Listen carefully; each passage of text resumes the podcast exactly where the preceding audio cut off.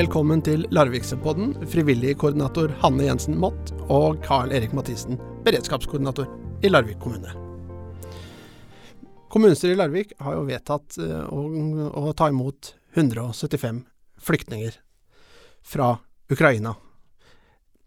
Eller har vi vedtatt det?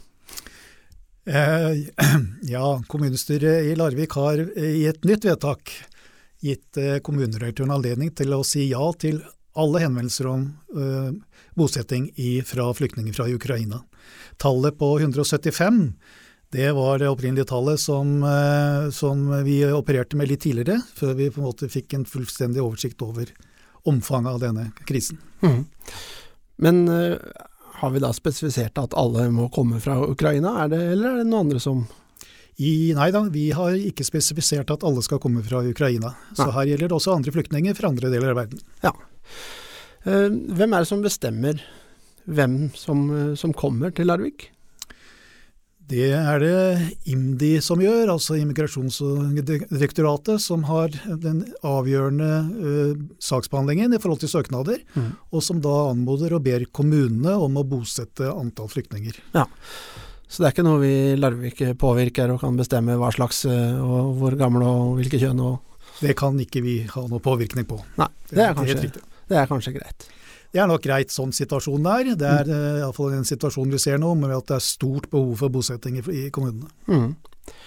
Uh, vet vi hvor mange vi har, Det er vedtatt at vi kan ta imot 175, men vet vi hvor mange som faktisk kommer til å komme?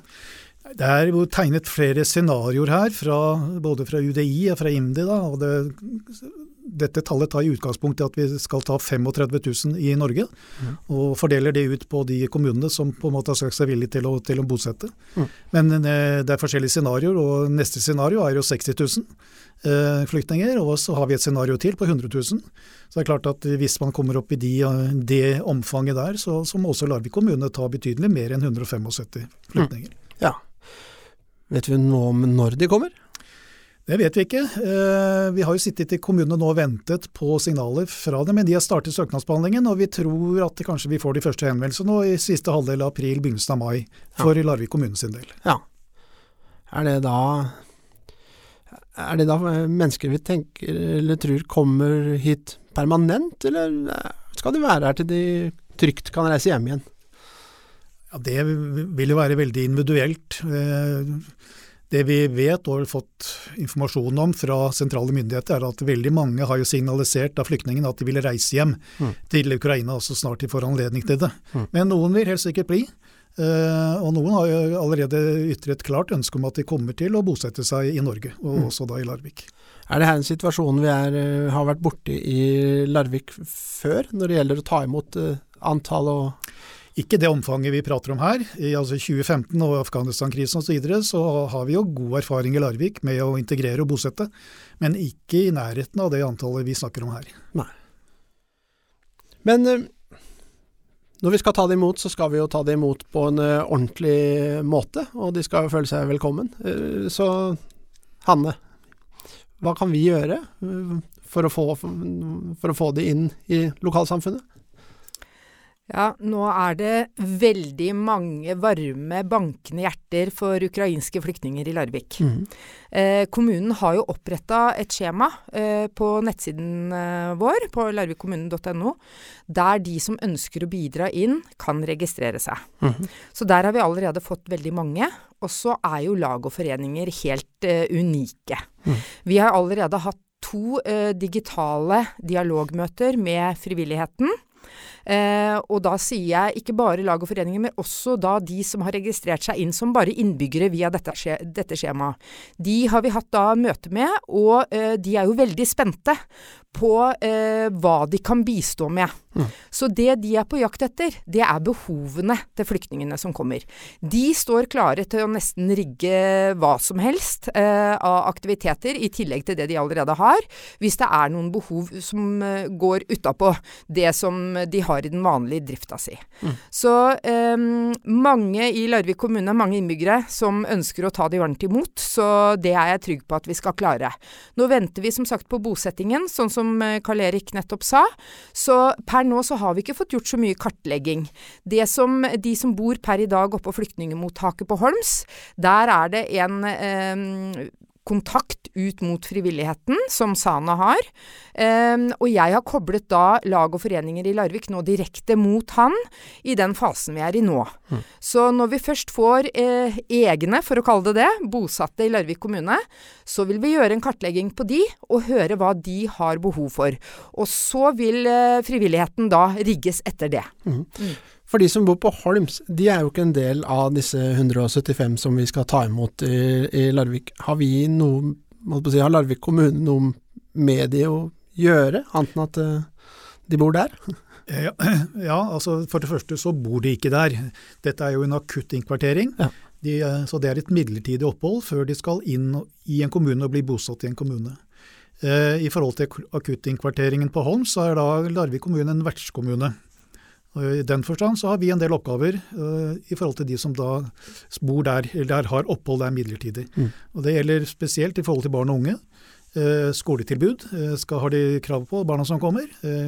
Vi har ikke noe krav på å etablere et barnehagetilbud, men det gjør Larvik. Vi skal gi dem tilbud om barnehagetilbud, og gjerne sammen med mødrene. Så vi, vi ser jo at de har, dette har vært en spesiell situasjon.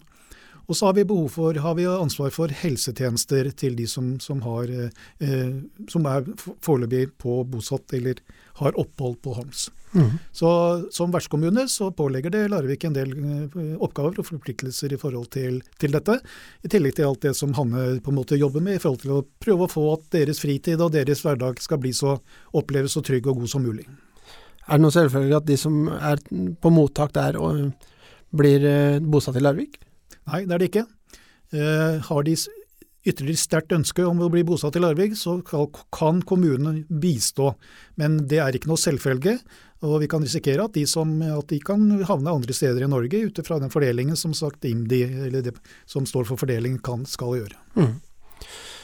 Når det gjelder eh, frivilligheten, hva, hva, tenker man at frivilligheten kan uh, bidra med? Altså, det ansvaret Larvik kommune har, så er det det helt basale som vi tenker at alle absolutt skal ha. Men uh, er det gaver, altså er det klær, eller er det aktiviteter? Hva Ja, eh, det som jeg tror blir viktig for de som blir bosatt, eh, det er jo at man eh, prøver å få, få det integrert i vårt samfunn. Eh, og for at eh, flyktninger, eller nyinnflytta, uansett om du er flyktning eller ikke, skal finne seg til rette eh, på et nytt bosted, så er det jo viktig at det er noen som rekker ut en hånd og ønsker å vise de rundt, f.eks. For eh, fortelle de litt om eh, historien vår, kanskje, hvor ting eh, befinner seg. Mm. hva slags type aktiviteter vi har i kommunen. Og, og der kan jeg også legge legge til nå at vi akkurat har hatt lansering av en kalender. Eh, og det eh, vil jo være et veldig godt verktøy på sikt i forhold til å, å få en oversikt over eh, hva man kan foreta seg som innbygger i Larvik kommune. Mm. Så eh, jeg tenker at dette med en en eh, fadderordning. Eh, eh, vi har noe via Larvik frivilligsentral som heter Innflytterguide per i dag. Det kan vi Det er en type ordning hvor man blir koblet opp som innbygger mot en familie mm. for å være en støtte støtte rundt denne familien, i, i hvert fall i den første fasen av bosettingen. Så det tenker jeg at det er noe som absolutt vi trenger innbyggerne til Larvik eh, med på laget. Da blir de registrert f.eks. da via Larvik frivilligsentral, og, og eh, de ligger da innen deres medlemmer og, og, frivillige, for så å kunne bli kobla opp mot de som blir nybosatte da, i Larvik kommune. Mm. Så, og så er det jo Frivilligheten kan jo rigge forskjellige typer aktiviteter. Og det er allerede veldig mange som er i gang med tankevirksomhet. Noen har allerede også startet opp med f.eks. Larvik Vineyard. De har annenhver fredag så har de nå en ukrainsk ja, kall det åpen dør, hvor, hvor ukrainere kan komme sammen og lage mat sammen. Barna kan leke, de kan sitte og prate. Så, så, det er en um, arena. Familietid i Larvik er en arena der uh, mor og barn og, kan komme og være med på onsdager i eh, fellesskapet rundt et godt måltid, og på søndager ut på tur. Mm. Eh, det er vært eh, næringsliv i Larvik som har meldt seg og sagt at de vil bistå. F.eks. da Follvik familiepark ønsker å legge til rette for en hel uke med aktiviteter før skolestart til høsten. Det er veldig veldig mange som er på banen. Vi har hatt I de to foregående dialogmøtene så har vi hatt eh, ja, mellom 35 og 40 deltakere. Eh, så det er veldig bra. Og vi har et nytt dialogmøte igjen den 21. april. Mm. Men er det hvem som helst som kan bidra? Altså er det noe kontroll på, på, på hvem som bidrar? Ja, og det er der vi må være veldig varsomme, for dette er jo en sårbar gruppe. Mm. Eh, og vi som kommune har jo retningslinjer å følge i forhold til det. Så eh, sånn som vi har gjort det nå i denne fasen, er at de som har registrert seg inn via skjema, de sluser jeg videre. Jeg oppfordrer de til å ta kontakt da med lag og foreninger som har sagt at de er interessert eh, i å bistå denne målgruppen. Mm. Eh, sånn at de kan da eh, bidra inn den veien via lag og foreninger. For da er det lag og foreninger som eh, er ansvarlige for sine frivillige. Ja. ja. vi som kommune har ikke noe registreringssystem, og kan ikke ta inn til samtale sånn som det er i dag, og se både eh, politiattest, hvis det er eh, et behov for, eller en registrering på en taushetserklæring. Derfor så må vi gjøre det sånn i denne fasen. Mm. Men når vi får bosatte, og vi får en ytterligere oppgradering av det systemet som, vi, som kalenderen er en del av nå, mm. så kan også vi som kommune rigge oss litt annerledes. Men det ligger litt fram i tid.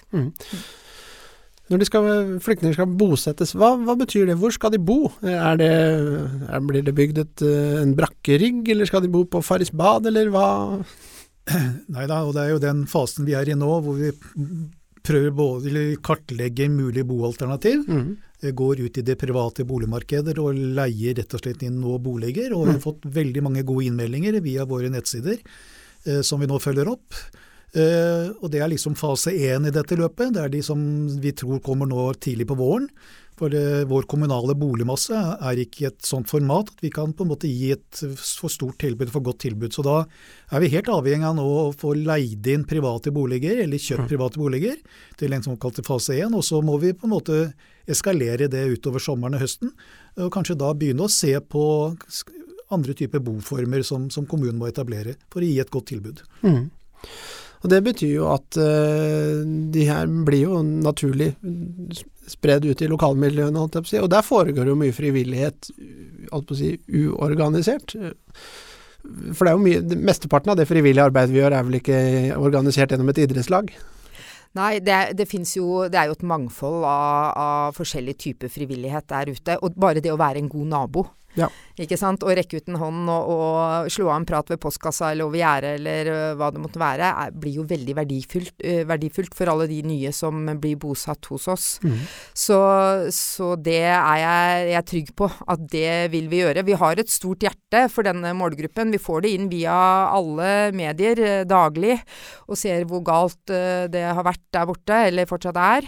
Så, så jeg tenker, i tillegg til lag og foreninger, den enkeltstående frivillige innsatsen er veldig, veldig verdifull og blir viktig framover.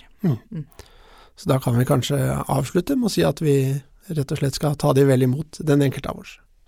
Tusen takk for at dere kom. Tusen takk.